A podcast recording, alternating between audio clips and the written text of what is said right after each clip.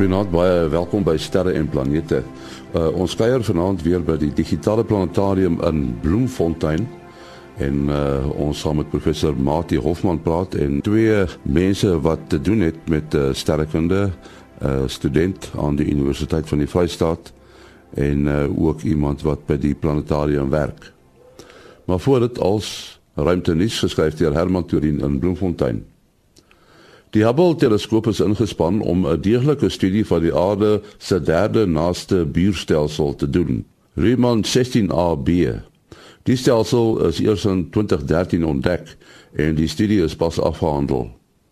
Tydens die ondersoeke is tot die gevolgtrekking gekom dat die stelsel uit net twee bruin dwerge bestaan en daarom so moeilik was om op te spoor van 'n derde bruin dwerg wat aanvanklik vermoed is ook deel van die stelsel sou wees, was egter geen spoor nie. Die vermoede dat 'n derde liggaam teenwoordig sou wees, het ontstaan nadat die Europese Very Large Telescope die stelsel se bewegings ondersoek het. Maar dit egter alle moontlikhede van 'n derde liggaam uitgeskakel.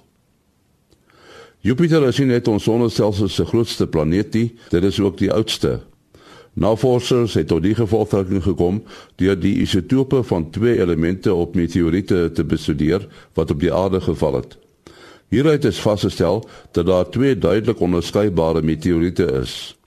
Die enigste manier waarop dit sou kon gebeur, was as daar vroeg 'n versperring in die ruimte was wat veroorsaak het dat die meteore so uiteenlopend elk in hulle afgesperde gebied kon ontwikkel. Dit beteken Jupiter moes reeds 'n miljoen jaar na die son gevorm het en oor 'n kern beskik het wat 20 keer groter as die aarde was. Elkeen van die vormende meteore moes hierna so wat 2 tot 3 miljoen jaar in hulle onderskeie afgesperde gebiede gebly het. Tot sover dan ruimte nuus wat geskryf is deur Herman Turin in Bloemfontein. Nou vanaand is ons hier by uh, die digitale planetarium in Bloemfontein uh jy hoor dikwels van die planetarium as uh as Mati Hofman spog oor sy uh oor sy speelding eintlik hier en uh ons gaan bietjie vanaand gesels oor iets wat wat 'n mens nie kan sien nie en dit is donker materie. Nou ons is vir Mariet RW hier en ook vir Sakkie van die Westhuizen wat gaan help om uh die moeilike vrae te beantwoord oor donker materie. Maar ons moet miskien met die deur in die huis val en duidelikheid kry oor twee dinge. Wat is materie en en hoekom praat ons dan nou vanaand oor donker materie? Uh nee ja, ons kan begin by normale materie en die meeste mense het daarom uit alledaagse ervaring 'n idee wat normale materie is. Dit is die materie waarmee ons elke dag om ons te doen het. Ons kan dit of ruik of voel of sien. Uh nie alles daarvan nie uh want daar's sekere vorme of sekere elemente wat nie baie volop is nie. Ehm um, of so verdun is in die normale materie, maar ons dink basies aan die elemente van die periodieke tabel. Die getal van die periodieke die aantal elemente is nou seker al as jy die kunsmatig is wat in laboratoriums gemaak word nou hier naby 120. Uh, so dit is nou al die goed wat mense nou op skool van geleer het beginnende by waterstof en uh, helium uh, en lithium, natrium uh, en dan kan mens nou onthou ook van die verskil tussen die metale aan die een kant van die periodieke tabel en dan die gasse aan die ander kant suurstof, stikstof en dan kan ons nou by die edelmetale soos goud en silwer kom en 'n klomp waarvan ek nou nie eers die name onthou nie. So ek hoop net jy gaan vir my vra om al 110, 120 elemente van die periodieke tabel op te eh, noem nie, maar dit is basies normale materie en normaal alle normale materie kan sigbaar gemaak word omdat dit lig kan uitstraal of dit het interaksie met een of ander vorm van die elektromagnetiese spektrum. As dit warm gemaak word, sal dit 'n uh, spektrum uitstraal wat ook nie sigbare forme van lig kan uitstraal, soos ultraviolet lig, infrarooi lig, infrarooi lig assosieer mens met enige iets met temperatuur, maar basies normale materie is kan sigbaar gemaak word. Maar nou vanaand praat ons uh, oor onsigbare materie. Hoe weet ons daarvan? Hoe is dit sigbaar gemaak? Dit is nou by wyse van spreuke. Ons moet nou onderskei tussen normale materie wat soms ook nie sigbaar is nie bloot omdat dit te koud is om lig uit te straal of dit kruip weg agter ander materie. sodat die lig wat dit uitstraal afgeskerm word. Kom ons onderskei dit nou van 'n baie spesiale vorm en baie meer misterieuse vorm, naamlik donker materie en donker materie is nog nooit op enige manier sigbaar gemaak gemaak nie. Uh ons kan nou gesels oor hoe ons weet dit bestaan of hoe ons baie sterk vermoed dit bestaan, maar dit is blykbaar onmoontlik om dit met enige vorm van uh, elektromagnetiese straling sigbaar te maak of dit direk uh, waar te neem.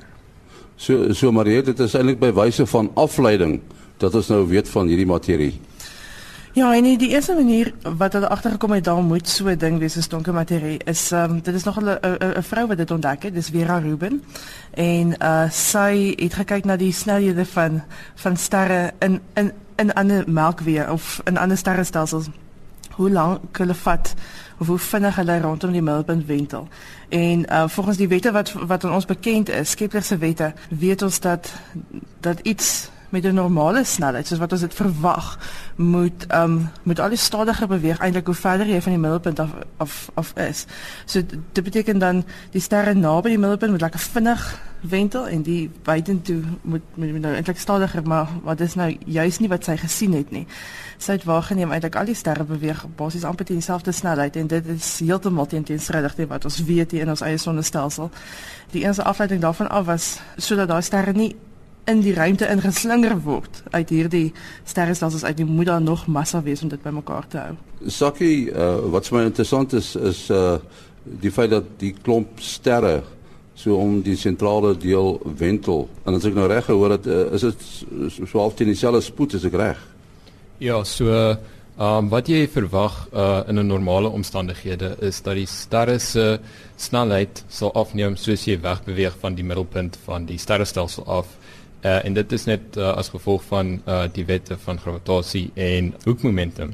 Maar uh, wat ons sien in uh, sterrestelsels is dat die snelheid min of meer dieselfde bly um, soos jy uitbeweeg um, uit die van die middelpunt van die sterrestelsel af. En dit is iets wat 'n uh, algemene verskynsel is oor meeste of al die sterrestelsels wat ons sien in die heelal.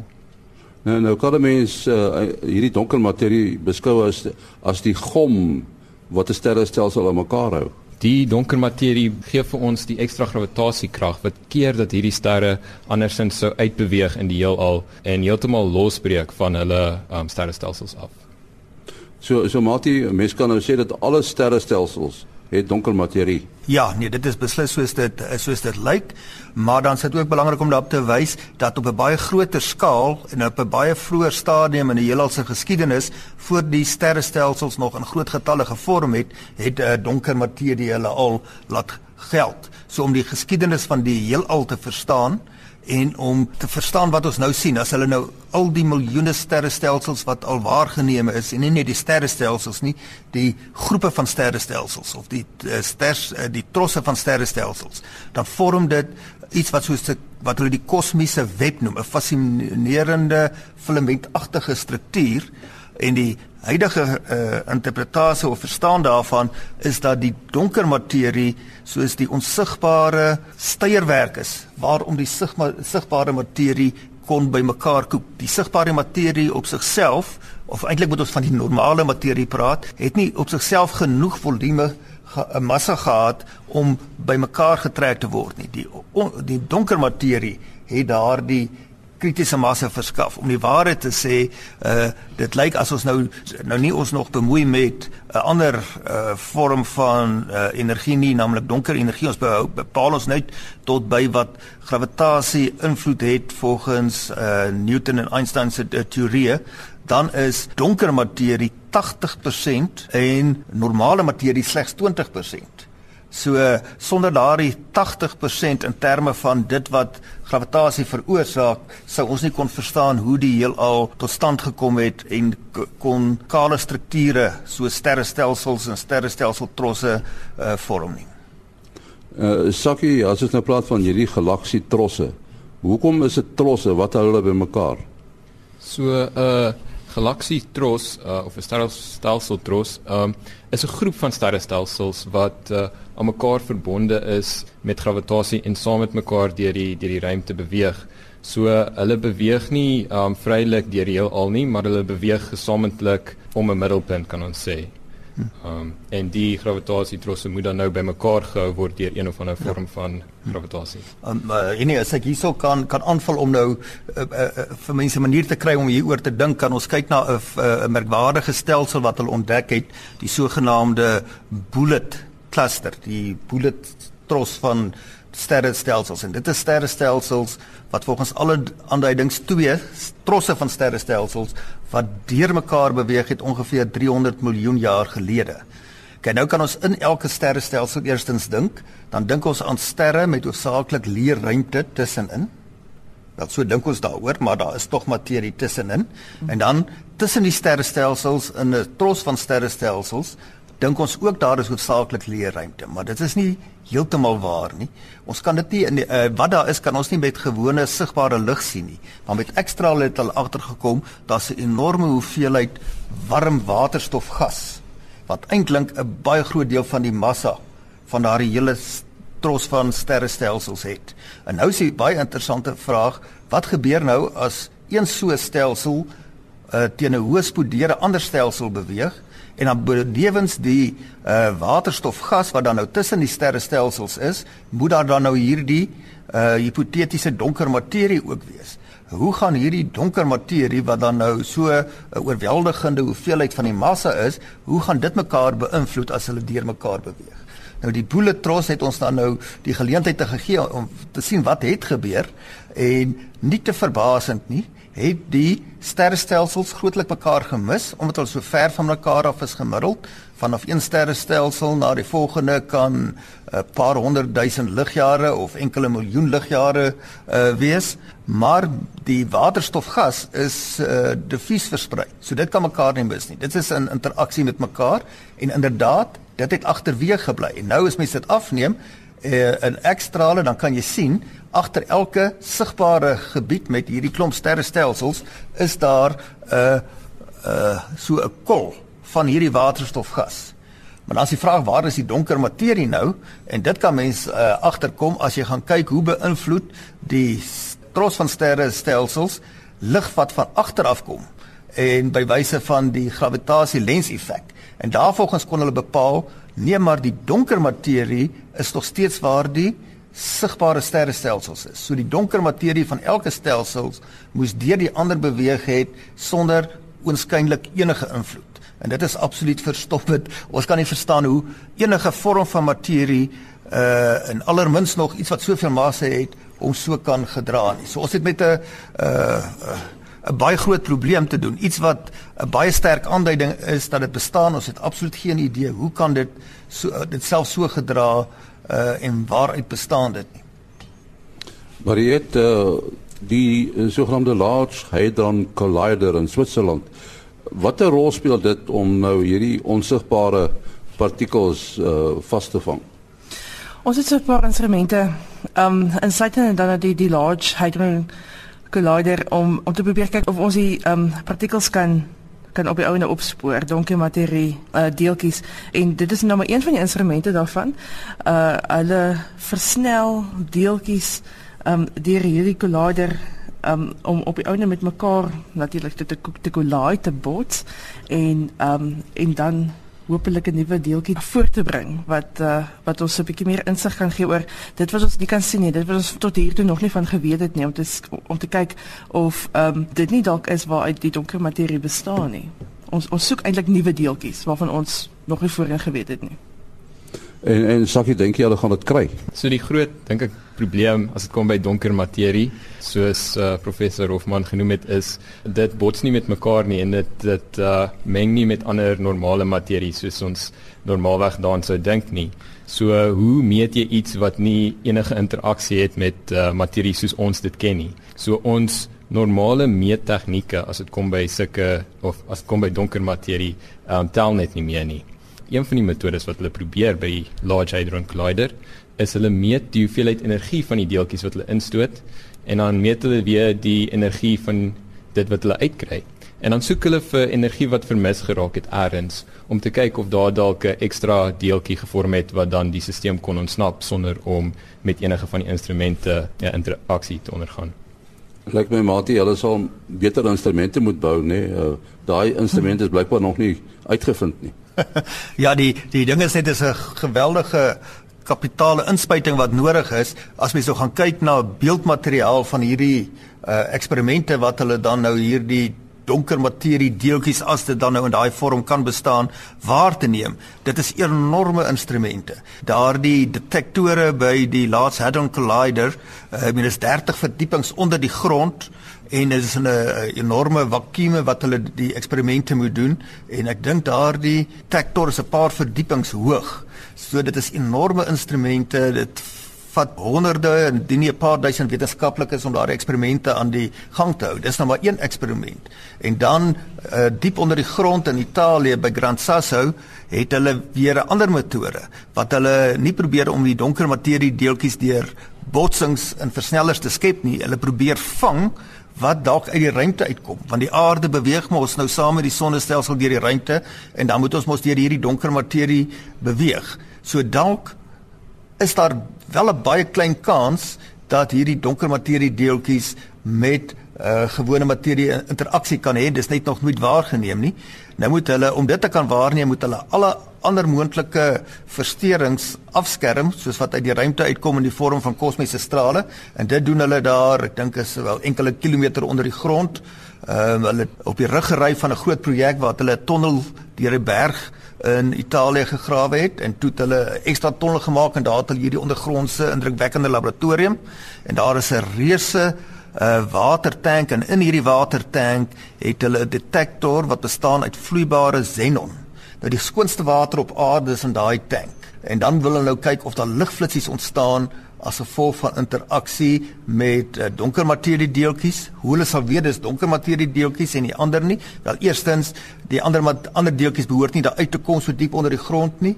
Hulle skerm dit af van die natuurlike radioaktiwiteit van die omliggende liggende uh, rotse en hulle kan ook kyk na die tipe energie wat uit uh, wat daar uitkom. En dan 'n derde baie duur eksperiment is 'n uh, baie groot detektor van 'n paar ton wat hulle opgevlieg het met 'n met 'n vuurpyl tot by die internasionale ruimtestasie en daar kyk dit of dit straling kan optel van donker materie deeltjies wat dan nou bots met of wat verval of bots met ander deeltjies. Nou soos ek gesê het, is ons hier by die digitale planetarium in uh, Bloemfontein en ons sit hier voor 'n gehoor die program in opneem en uh, een van die mense uit die gehoor wil graag 'n vraag vra. My naam is Marison de Wet en ek geniet nogals hierdie hele planetarium uitstappies en goed. En die donker materie het my baie getrek en die vraag wat ek het is wat is die verskil tussen jou donker materie en jou donker energie? Ja, nou kyk hulle na my.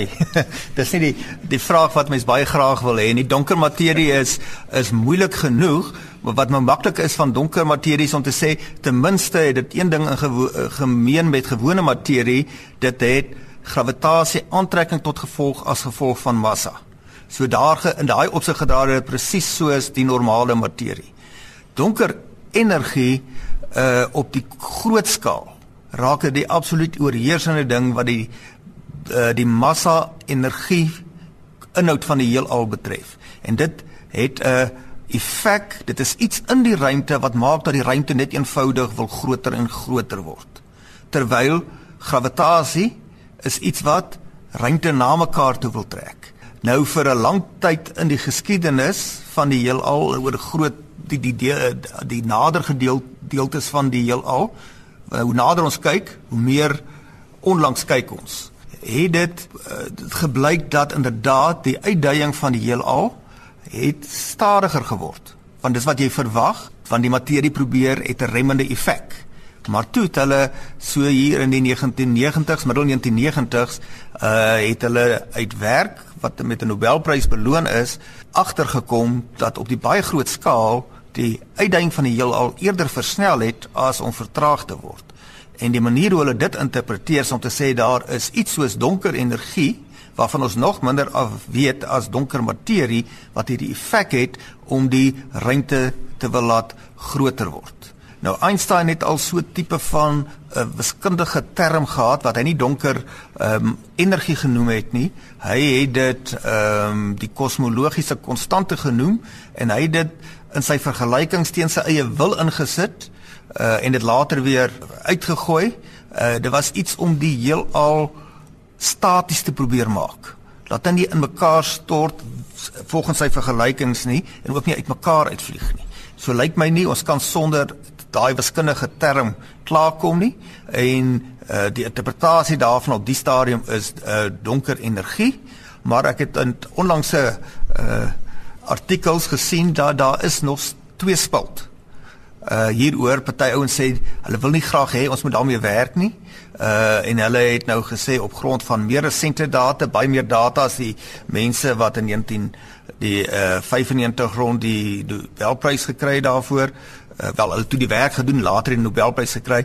Nou is daar baie meer data en beter data beskikbaar. Nou sê hulle ons het nie meer dit nodig om donker uh energie in te voer nie. As jy nie so 'n gekompliseerde ding hoef in te voer nie, dan moet jy dit liewers nie doen nie.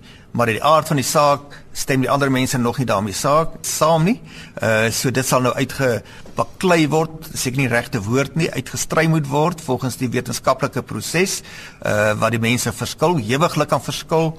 En as dit by daardie vlak kom, dan het uh wetenskaplikes ook persoonlikhede, sal ook mense wat kwaad word vir mekaar. Uh maar die wetenskaplike proses sal uiteindelik die emosie van die goeie argumente en die goeie data skei. Ehm uh, maar dit gaan dink ek nog langer vat as donker materie om oor sekerheid te kry wat presies donker energie is. Dankie Mati. And the next lady is who? Um I'm Kayla de Gouveia. I am a final year zoology student and space has always been a interest running in my family and it'd be nice to expand my knowledge on it and pass it on to the generations. And the question you'd like to ask? With the rapid advancements in technology nowadays, do you think one day, after all the data is analyzed and studied and we understand dark matter, will it be will we be able to harness dark matter or in a way recreate it? And if we do, what are the consequences of this? As 'n mens nou 100 jaar teruggaan, uh na die uit bietjie meer as 100 jaar na die einde van die 1800s, toe die mense nie eers geweet daar bestaan iets soos atoomkerne nie. Die hele veld van die kernfisika en kernenergie was totaal onbekend. Die vermoë om te verstaan hoe sterre werk was totaal onbekend en omdat hulle by wyse van eksperimente en teorie oor 'n kwessie van etlike dekades, dit het meer as 30 jaar gevat om kernfisika te ontdek en uiteindelik te kon aanwend. So ek dink wat donker materie betref, is ons nou in daardie fase. Ons weet seker sekere dinge glad nie, maar uit ondervinding wat ons het in die fisika en in die natuurwetenskap in die algemeen, as jy eers iets verstaan, dan kan jy totaal onverwagse toepassings daarvan kry.